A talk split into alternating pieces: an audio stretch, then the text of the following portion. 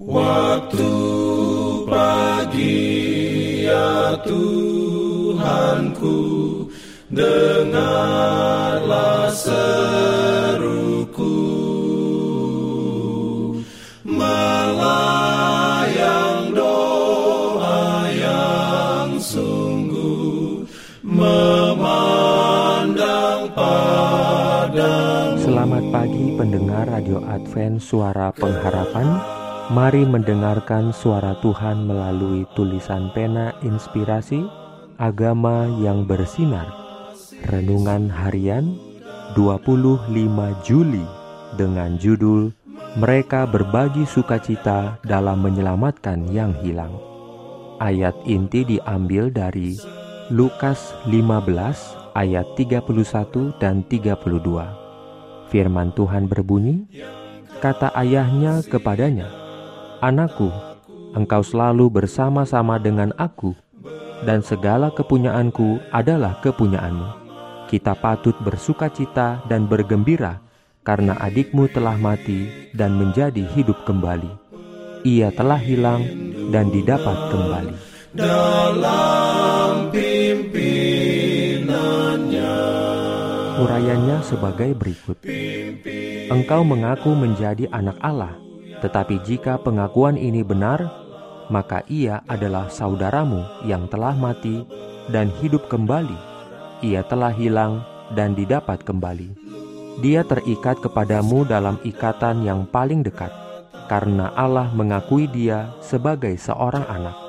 Sangkalah hubunganmu dengan dia, dan engkau menunjukkan bahwa engkau hanyalah seorang gajian dalam isi rumah bukan seorang anak dalam keluarga Allah. Bila engkau melihat dirimu sendiri sebagai orang berdosa yang bisa diselamatkan oleh kasih Bapamu di surga saja, engkau akan mempunyai pengasihan yang lemah lembut terhadap orang yang menderita dalam dosa. Engkau tidak akan menghadapi kesengsaraan dan pertobatan dengan iri hati dan celaan.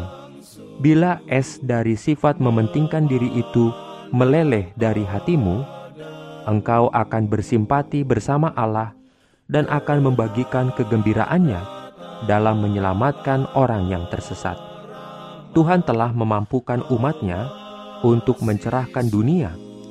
Dia telah mempercayakan mereka dengan kemampuan yang dengannya mereka akan memperluas pekerjaannya sampai itu akan mengelilingi dunia di negara-negara yang jauh dari mereka yang hatinya oleh agen-agen ini berbalik dari pelayanan dosa kepada kebenaran akan terdengar ucapan syukur dan suara melodi.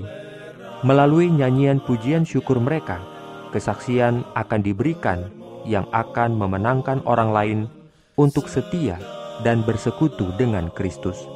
Pertobatan jiwa-jiwa kepada Tuhan adalah pekerjaan yang terbesar dan paling mulia di mana manusia dapat mengambil bagian.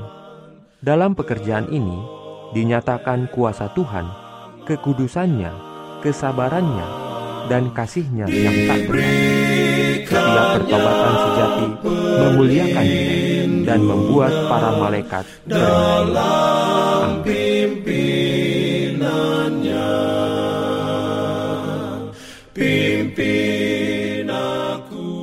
Jangan lupa untuk melanjutkan bacaan Alkitab sedunia. Percayalah kepada nabi-nabinya yang untuk hari ini melanjutkan dari buku Mazmur pasal 80. Selamat beraktivitas hari ini. Tuhan memberkati kita semua. Jalan kewajiban,